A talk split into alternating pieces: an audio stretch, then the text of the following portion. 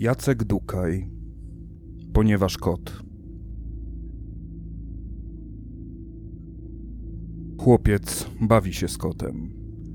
Kot jest czarny, ma ślepia jak szmaragdy. Porusza się, jakby ktoś przelewał z miejsca na miejsce płynną ciemność. Chłopiec wygląda najwyżej na sześć lat. Jest tak skupiony, że nawet się nie uśmiecha. Przygryza wargę, wydyma policzek, robi dziwne miny. Kot czasami umyka przed jego rękoma, czasami nie. Czasami poruszają się obydwaj, czasami żaden z nich. Miękki i pozbawiony strachu jest chód kota po wzorzystym dywanie. Kot nigdy nie spogląda w wielkie zwierciadło. Pokój wygląda jak babciny salon. Ciepło w kolorach, ciepło w kształtach przedmiotów, pastelowa żółć rozproszonego światła o nieznanym źródle. Światło pada ze wszystkich stron, nie ma cieni. W fotelu przy drzwiach siedzi starsza kobieta. Wstukuje coś na ułożonym na kolanach notebooku, co chwila zerkając ponad szkłami okularów na chłopca i kota. Wyjąwszy klekot klawiszy i szelest poruszeń chłopca, w pokoju panuje cisza. Nie ma ciszy za zwierciadłem. Zwierciadło jest jednostronne, przepuszcza światło z pokoju do oddzielonej odeń lustrzaną taflą salki obserwacyjnej. Tu panuje półmrok. Salka jest nieco mniejsza, całe jej umeblowanie stanowi kilkanaście metalowych krzeseł, ustawionych przodem do zwierciadła w nierównych rzędach. Dwa krzesła są zajęte. Starszy z mężczyzn przyglądających się przez fałszywe lustro dziecku i kotu pali papierosa. Unoszący się dym jest niewidoczny, podobnie jak oczy obu mężczyzn ukryte w ciężkich cieniach zalegających pod ich łukami brwiowymi. Ręka z papierosem wskazuje chłopca. Wyjątkowo ciekawy przypadek. Masz połączenie? Zajrzyj pod 122 bis. Młodszy mężczyzna skroluje ekran na swym laptopie. Zimny blask bijący od seledynowego tła liter maluje mu skórę trupim odcieniem. Humenopatia progressiva cum neuropatia cum agnosis, czyta i podnosi głowę. Ten dzieciak? Czy to przypadkiem nie podpada pod eutanazję? Jeszcze nie ma orzeczenia o trwałej niezdolności do funkcjonowania w społeczeństwie. Profesor przedłużył okres badań, ktoś się będzie na szczeniaku habilitował. Mhm. Młodszy, zmieszany, drapie się w kark, śledząc wzrokiem szybki przepływ akapitów przez ekran. Poprawdzie niezbyt rozumiem. Co to właściwie znaczy? Stuka paznokciem, przeskakując kilka okienek. W słowniku helpu nie ma nawet takiego terminu. Bardzo świeża jednostka chorobowa, uśmiecha się starszy. Wyodrębniona właśnie u nas. Jeszcze jedna konsekwencja upowszechnienia wirtualizacji synchronicznej. On ma wszczepkę? Od czwartego tygodnia życia. I co poszło nie tak? Mhm. Starszy strzepuje popiół z papierosa na podłogę. Na ile się orientujesz? Pyta. Tamten śmieje się niepewnie. W ogóle się nie orientuje. No tak, cóż, więc muszę od początku. Starszy wzdycha i zakłada nogę na nogę. Co właściwie robi wszczepka? Trepanują ci czachę i pchają do mózgu nanoelektronikę, ale co to robi? Podłącza się bezpośrednio do wszystkich ośrodków zmysłów. Obiegowy sąd czyni ze wszczepki coś w rodzaju neuronalnego odpowiednika kasku wirtualnej rzeczywistości. To uproszczenie. Kask możesz zdjąć, wszczepki usunąć się nie da. Kiedy kask masz założony, zdajesz sobie z tego sprawę, natomiast kiedy wszczepka działa, a kiedy nie działa, nie sposób samodzielnie rozpoznać. A przede wszystkim iluzja rzeczywistości wywoływana przez środki zewnętrzne, korzystające z pośrednictwa zmysłów, jest zawsze w jakiś sposób ułomna. Podczas gdy kłamstwo wstrzykiwane bezpośrednio do mózgu z pominięciem oczu, uszu, w ogóle ciała. Kłamstwo takie jest doskonałe. Wirtualizacja synchroniczna wykorzystuje właśnie ową demiurgiczną perfekcję. Rzuca i przydeptuje peta. Chłopiec za zwierciadłem strzela palcami, usiłując zwrócić na siebie uwagę kota. Kot Ziewa. Włączywszy kask VR, wchodzisz w nieistniejący świat. Uaktywnienie wszczepki niczego takiego nie oznacza. Ona wcale nie musi wciągać cię od razu w pełną fikcję wszystkich zmysłów. Rzecz zależy od stopnia wyrafinowania programistów. Najpopularniejszy w tej klasie shareware, okresowo wizualizowany timer, nie zafałszowuje przecież rzeczywistości, blokując bądź deformując prawdziwe doznania. On jedynie dodaje nowe. Widzisz wszystko to, co widziałbyś i bez wszczepki, ale nadto widzisz zegar. Zegar, którego tak naprawdę nie ma. W zależności od wybranej w setupie opcji, jego algorytm może obejmować jedynie wzrok lub więcej zmysłów. Możesz więc także słyszeć jego tykanie, możesz czuć pod palcami fakturę materiału, z jakiego go wykonano, co tylko sobie zażyczyłeś. Drewno, metal, kamień, plastik. Możesz go nawet powąchać. Na ustalony znak zniknie, na ustalony znak zjawi się ponownie. Wirtualizacja synchroniczna tym się różni od totalnej, że jest subiektywnie weryfikowalna przez jej podmiot. Z tego też powodu nie dotyczą jej te prawne restrykcje, które ograniczają rozpowszechnianie i używanie programów pełnej symulacji. No weź chociażby ten timer, najprostszą wirtualizację synchroniczną z możliwych. Nawet założywszy jego realność dla wszystkich Twoich zmysłów, możesz go odróżnić od przedmiotów istniejących obiektywnie, na przykład przechodząc przez niego. Podczas wirtualizacji synchronicznej nie podlegają bowiem blokadzie i modyfikacjom programu rozkazy wydawane przez Twój mózg poszczególnym mięśniom i zawiadujące w efekcie całymi kończynami i ciałem w ogóle. Nic Cię zatem nie powstrzyma od wejścia w przestrzeń, którą pozornie zajmuje zegar. Wirtualizacja synchroniczna nie jest w stanie również oszukać cię, tak deformując obraz świata, byś mimo wszystko sądził, iż tych kroków nie wykonałeś, ponieważ ex definitione ograniczona jest do danego obiektu, w tym przypadku zegara. Tak, tak, ale co to ma wspólnego z tym dzieckiem i jego chorobą? Ależ niecierpliwe. Wszystko po kolei. Starszy mężczyzna wyjmuje i zapala kolejnego papierosa.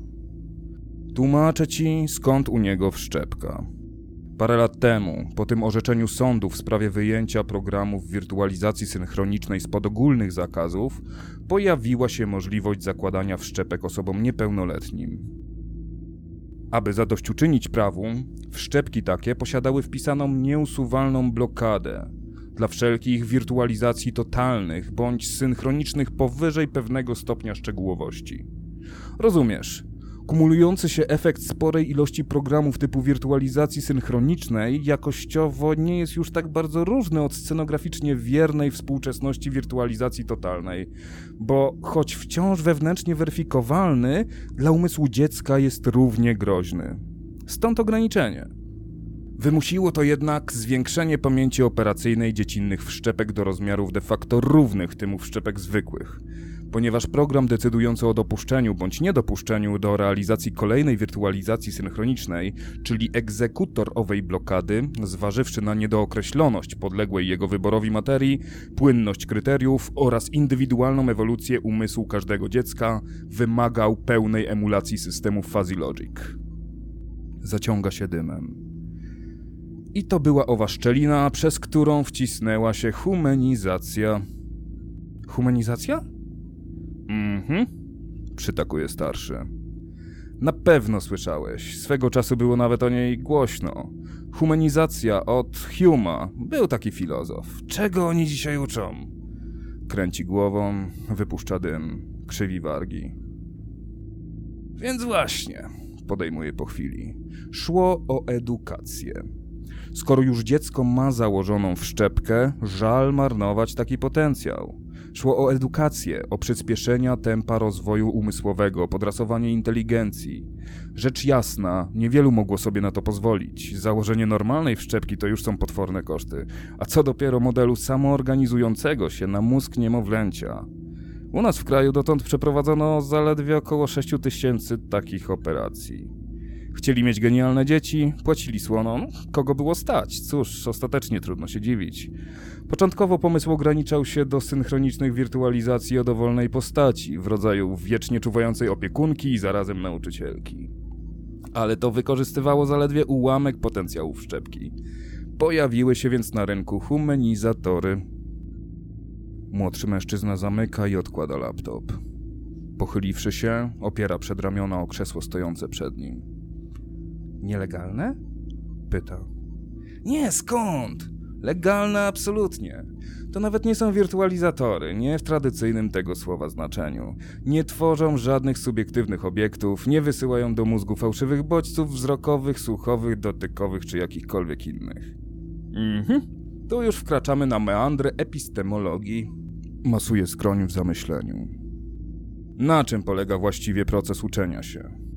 Na początku człowiek nie wie nic. Brak związków pomiędzy odbieranymi doznaniami, brak wiedzy o samych doznaniach. Niemowlę zanurzone jest w jednostajnym, gęstym chaosie. Porządek wynika dopiero z kumulacji doświadczeń. Dotyczy to także, a może przede wszystkim, relacji najbardziej fundamentalnej ze wszystkich, bo przyczynowo-skutkowej. Po czym poznajesz przyczynę danego zdarzenia? Młody mężczyzna wzrusza ramionami. Nie wiem, Poznaję, to są oczywistości. Młotek uderza w gwóźdź i gwóźdź zostaje wbity.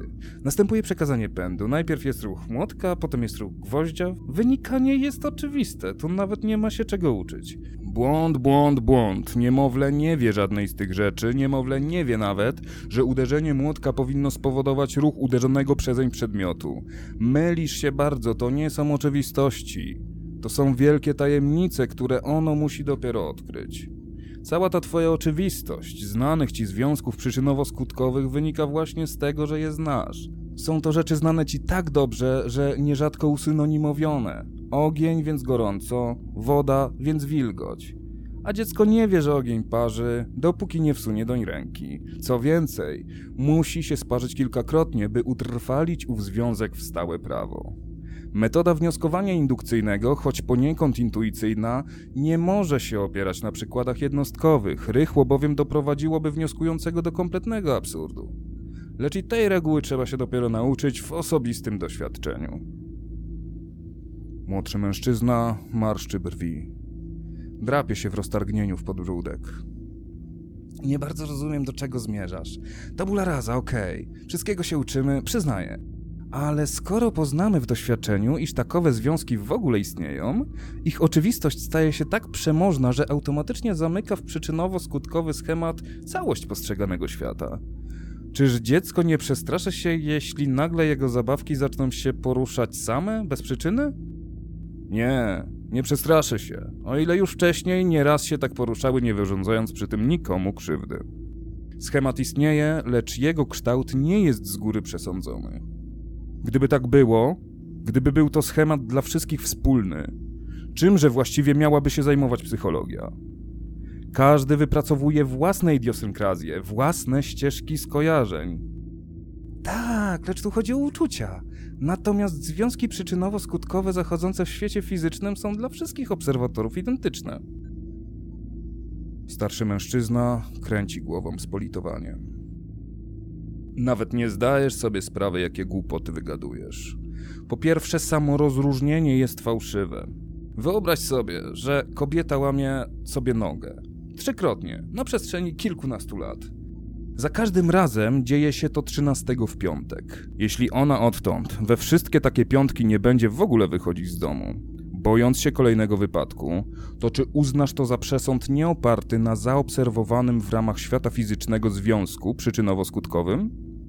O jakim związku mówisz? Jakiej przyczynie i jakim skutku? Twierdzisz, że nie miała prawa wyciągnąć takiego wniosku? Zwróconej głupoty chyba.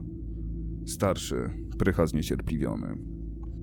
Wobec tego inny przykład. Religia Azteków nakazywała im składać bogom ofiary z ludzi. Nie chodziło tu o jakieś pojedyncze egzekucje. Szło to w dziesiątki tysięcy zabitych. Po roku 1450 Meksyk nawiedziła długotrwała susza, co spowodowało klęskę głodu. Interpretacja kataklizmu dokonana przez kapłanów była następująca. Ziemia i słońce nie zostały dostatecznie zasilone drogocennym napojem, znaczy się krwią. Za mało ofiar, trzeba więcej, ale brak już jeńców. Zawarto zatem między sąsiadującymi ze sobą państwami specjalną umowę, aby móc prowadzić bez konsekwencji politycznych wojny dla dostarczenia sobie nawzajem odpowiedniej ilości jeńców. Nazywano je wojnami kwietnymi, Guerras Floridas. Tak więc w roku 1455 można już było złożyć bogom ofiary z ludzi w liczbie zadowalającej kapłanów. Natychmiast spadły deszcze, uzyskano obfite plony, wszystko fakty historyczne. Czego ma to niby dowieść? Wykaż różnicę pomiędzy następującymi wnioskowaniami. Plony były obfite, ponieważ spadł deszcz. Deszcz spadł, ponieważ złożono ofiarę. Bardzoś przebiegły, śmieje się cicho młodszy. Różnica jest taka. Zawsze po deszczach plony są obfite i to można zaobserwować wielokrotnie. Następstwo deszczu po złożeniu ofiary z ludzi? Nie. Ależ tak tak. O ile składasz te ofiary wystarczająco często. Co nie zmienia faktu, że ów związek jest fałszywy. Dla ciebie? Dla innych nie. Dlaczego miałby być fałszywy? Potwierdza się każdorazowo. Wiedza bierze się z doświadczenia. Dziecko obserwuje i wyciąga wnioski. Za każdym razem, gdy rozlega się dzwonek u drzwi, ktoś wchodzi do mieszkania. Usłyszawszy, będzie biec sprawdzić kto to. Za każdym razem, gdy podkradnie z szafki cukierek, tatuś wraca do domu pijany. Tych razów może być zaledwie trzy, ale dziecku to wystarczy. Potem dopiero będzie się dziwić, dlaczego on jest pijany, mimo iż akurat cukierka nie wzięło. Dobrze, dobrze, irytuje się młodszy. Ale nadal pytam, co to wszystko ma wspólnego z nim? Wskazuje ruchem brody na chłopca za zwierciadłem. Otóż humanizatory, zaczyna starszy, machinalnie strzepnąwszy popiół pod krzesło. Mają za zadanie wspomagać przez wszczepkę tworzenie się w umyśle dziecka schematów związków przyczynowo-skutkowych. Obliczono, iż potencjalnie pozwoli to na przyspieszenie jego rozwoju intelektualnego nawet ponad trzykrotnie. Uświadom sobie, co właściwie oznacza takie wspomaganie.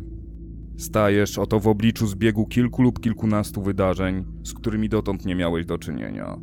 Pozbawiony humanizatora musisz sam rozciągać pomiędzy nimi nici wynikania i najczęściej zapewnie rozciągniesz je błędnie. Przyszłości zatem będziesz musiał jeszcze nie raz korygować zapisane w pamięci ścieżki skojarzeń, w miarę jak ponawiane doświadczenia będą wykazywały ich fałszywość. Gdy bowiem stoisz wobec alternatywy połączenia ze sobą w pary przyczyna-skutek zdarzeń A i albo A i D, a z każdym z nich lub z takim akurat ich zestawieniem stykasz się właśnie po raz pierwszy, wybór jest w mniejszym lub większym stopniu przypadkowy. Dopiero zebrawszy pewne doświadczenie, bo pamiętając, iż korelacja czasowo-przestrzenna zdarzeń A i C wystąpiła razy, dajmy na to, 10, A i B raz, a A i D dwa. Dopiero wtedy uznajesz za żelazne naturalne prawo związek przyczyny A ze skutkiem C. Pamiętając przy tym, że nie czynisz tego świadomie, po prostu, tak to ci się w głowie układa, nie analizujesz tego. Na tym etapie rozwoju nie jesteś zresztą w stanie przeprowadzić żadnej autoanalizy. A humanizatory co? Humanizatory oszczędzają ci tej nauki. Powtarzanych doświadczeń, nakładających się na siebie wspomnień. Albowiem normalnie schemat powstaje w dokładnie ten sam sposób z nałożenia na siebie wystarczająco dużej ilości identycznych lub podobnych wspomnień. Pozwól mi na następującą obrazową metaforę. Każde doświadczenie korelacji zdarzeń poszerza ci, pogłębia, umacnia połączenie pomiędzy neuronami kodującymi wspomnienia tych zdarzeń. Co oczywiście nie jest dosłowną prawdą, jedynie efektownym uproszczeniem, lecz dobrze oddaje sens zjawiska. Liczba takich doświadczonych korelacji, pomnożonych przez siłę poszczególnych doświadczeń, określa moc połączenia. W przytoczonych wyżej przykładach wynikanie wrażenia wilgoci z przedmiotu woda i wrażenia ciepła z przedmiotu ogień międzyneuronalne połączenie osiąga w końcu taką grubość, że pomyślenie o przyczynie bez automatycznej myśli o skutku jest już niemożliwe. To wszelako są przykłady skrajne. Grubość owych połączeń jest bardzo różna. Sieć naszych skojarzeń składa się w większości z nici wiotkich niczym pajęcze. Nimi jednak humanizator się nie zajmuje. Ich wytworzenie pozostawia przypadkowi. Inaczej uniemożliwiałby powstanie u dziecka indywidualnej osobowości, narzucając uniwersalny dla wszystkich algorytm postrzegania i rozumowania, świadomego i podświadomego.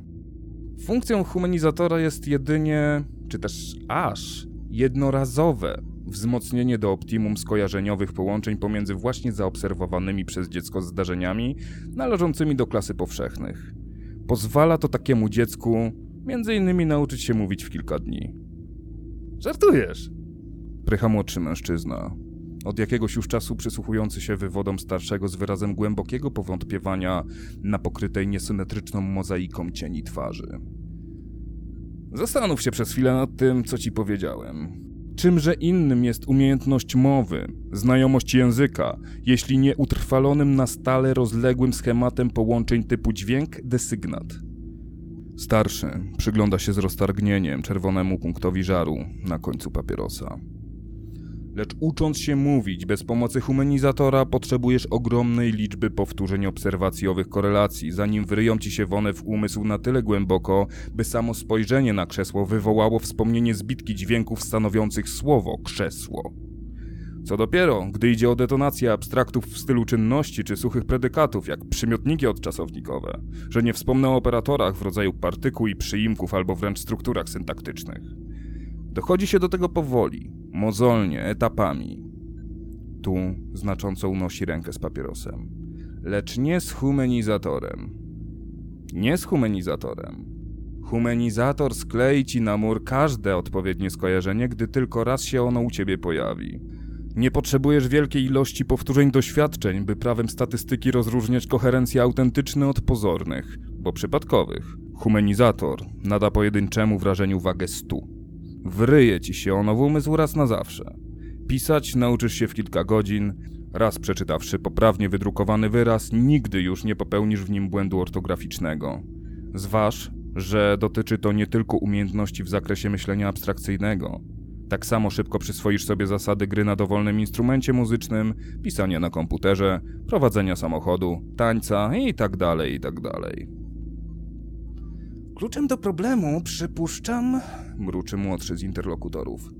Jest tu owo dokonywane przez program rozróżnienie pomiędzy skojarzeniami odpowiednimi a nieodpowiednimi. No oczywiście. Humanizator musi czynić to w czasie rzeczywistym, pomiędzy momentem dotarcia bodźców do receptorów, a zapadnięciem interpretacji doświadczenia w umysł. To stąd te wysokie wymagania sprzętowe. A co nawaliło w jego przypadku? Młodszy patrzy na chłopca. Jak już wspomniałem, kontynuuje starszy.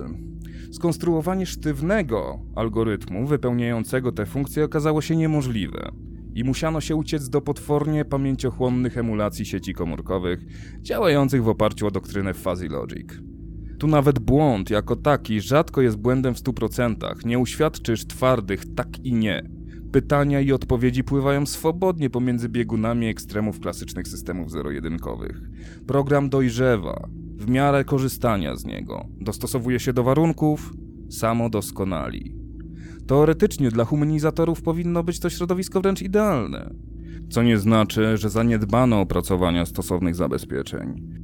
Firma software'owa, która wypuściła te konkretne humanizatory, przyłożyła dużą wagę do wpisania w inicjator programu maksymalnie sztywnych kryteriów podejmowania decyzji w zakresie wzmacniania poszczególnych międzyneuronalnych połączeń skojarzeniowych co bynajmniej nie uchroniło jej od procesu cywilnego o odszkodowanie dla rodziców. Suma wprost astronomiczna. Możesz sobie wyobrazić. Splajtują.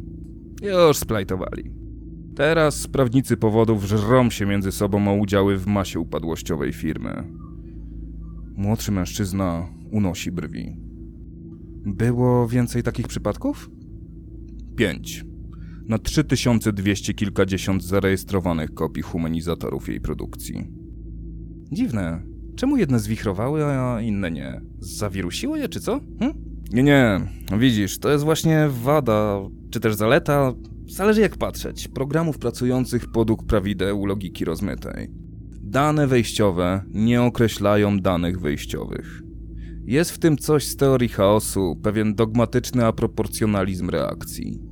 Chociaż każda kopia początkowo była identyczna z pierwowzorem, funkcjonując w odmiennych warunkach, z czasem coraz bardziej odbiegała kształtem od pozostałych. Tak też przecież zostało to zaplanowane. Każde z dzieci o wszczepce z zainstalowanym humanizatorem żyje, rozwija się i uczy w innych warunkach. Inaczej się zachowuje postawione w tych samych sytuacjach, choćby z racji różnic w genotypie czy zewnętrznych warunków środowiskowych. Jednak te pięć humanizatorów z nimi stało się coś dziwnego. Może nareszcie się dowiem, wzdycha młodszy. Co takiego mianowicie? wyewoluowały daleko poza pierwotne założone granice doboru wzmacnianych skojarzeń przyczynowo-skutkowych. Starszy mężczyzna wypluwa beta, przygładza włosy. Przekopiowano je potem z powrotem ze wszczepek do symulatorów systemu, aby zbadać powód zaszłych dewiacji. No i jaki on? Starszy. Krzywi się. W każdym razie niejasny. Na testach owe humanizatory twardo utrzymują, że w istocie nie popełniły żadnego błędu. Linię obrony, jaką informatycy wyinterpretowali post factum ze wstecznej analizy reakcji programów, przedstawia się mniej więcej tak. Obiektywność niektórych związków przyczynowo-skutkowych obserwowanych w świecie fizycznym, założona wyjściowo humanizatorom jako niewzruszalny dogmat, prowadzi według nich do sprzeczności w dalszych konstrukcjach owych zależności w umyśle dziecka. Rozumiesz, że niby humanizatory zostały zmuszone do redefinicji kryteriów obiektywności tych związków. Odkryły sprzeczności w obrazie świata tam, gdzie my żadnych sprzeczności nie dostrzegamy. No ale to przecież maszyny. O tym zapominać nie należy. Ogrom ich mocy obliczeniowej stanowi w tym przypadku jedynie wadę, bo pozwala na wyprowadzenie wniosków idących tak daleko, jak nie poszedłby w swym rozumowaniu żaden człowiek. Na każdym systemie ciąży wszak od zarania przekleństwo Goodla.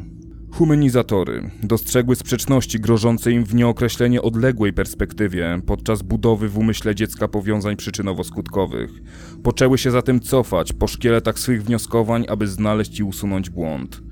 Tym się wszak różni system fuzzy logic od binarnego, że niekoniecznie musi od razu pluć komunikatami o błędach i zawieszać się w połowie wykonywanych operacji.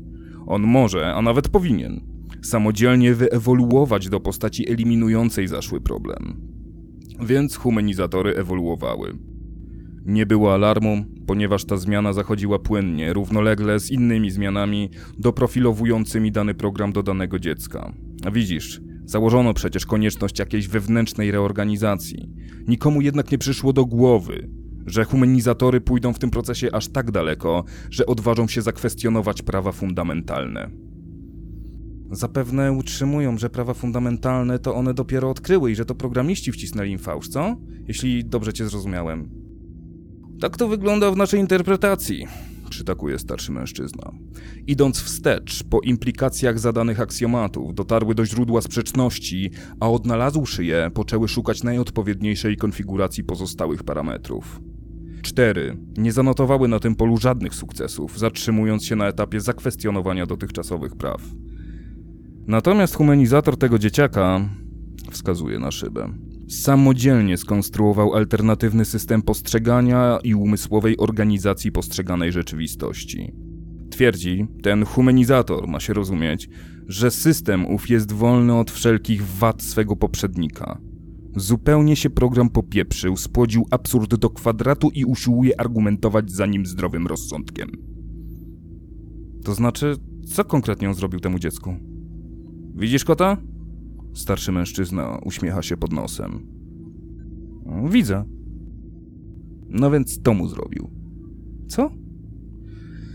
Rodzice trzymali w domu tego zwierzaka. Mały dorastał wraz z kotem. Weź pod uwagę, że mowa tu o dorastaniu. W każdym razie, jeśli chodzi o intelekt, znacznie szybszym od normalnego. Intelektualnie, bo nie emocjonalnie, ani biologicznie, ten chłopak ma co najmniej dwakroć więcej lat niż wygląda. Przecież tak właśnie, niezależnie od wszelkich aberracji ideologicznych, działa humanizator. Przez cały czas rozwoju dziecka, stymulowanego przez zarządzaną owym zwichniętym programem wszczepkę, kot był wraz z nim. Wszystkie doznania, zanim jeszcze zapadły malcowi w umysł, przechodziły przez wszczepkę i humanizator. Dokonując ich analizy w czasie rzeczywistym, decydował, czy je wzmacniać i w jakim stopniu, aby tym sposobem, jak ci to już tłumaczyłem, jednym bodźcem tworzyć trwałe łącza skojarzeniowe w mózgu chłopca, zamiast skazywać go na powolną, obarczoną nieusuwalnym marginesem błędu, kumulację podobnych bądź identycznych doświadczeń. I o ile humanizator działa poprawnie, efekty są zaiste imponujące, bez wątpienia warte wydanych pieniędzy, w tym przypadku wszakże poprawnie nie zadziałał i skutek jest opłakany. Podpiął chłopakowi kota chyba w co drugi wieloskalowy związek przyczynowo-skutkowy. Jako co? Jako przyczynę. Mhm. Młodszy mężczyzna spogląda To na kota, to na chłopca, marszczy brwi, masuje nadgarstek, najwyraźniej próbuje to wszystko jakoś ułożyć w głowie. Ale co to oznacza w praktyce? Nie znam szczegółów, więc mogę się mylić co do konkretnych przykładów, lecz mnie tłumaczono rzecz tak.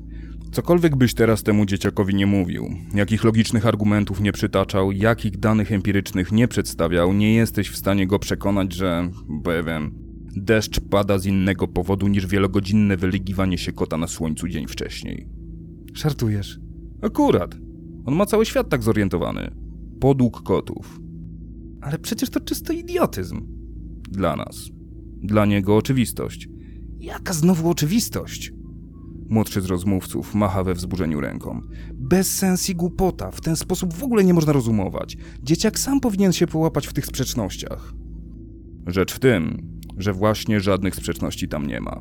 Humanizator już tego dopilnował. A chociażby były.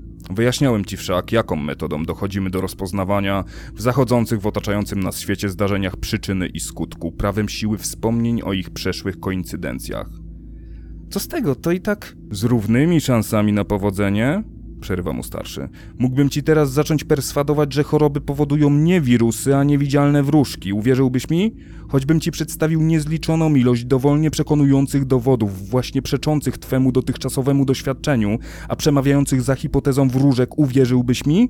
Zresztą z tobą i tak miałbym jednak większe szanse, bo ty nie dorastałeś z wszczepką z humanizatorem we łbie i nie od razu doszedłeś do przekonania o przyczynowo-skutkowym związku wirusów i chorób. Zapewnie miewałeś jakieś błędne poboczne skojarzenia. On wskazuje chłopca.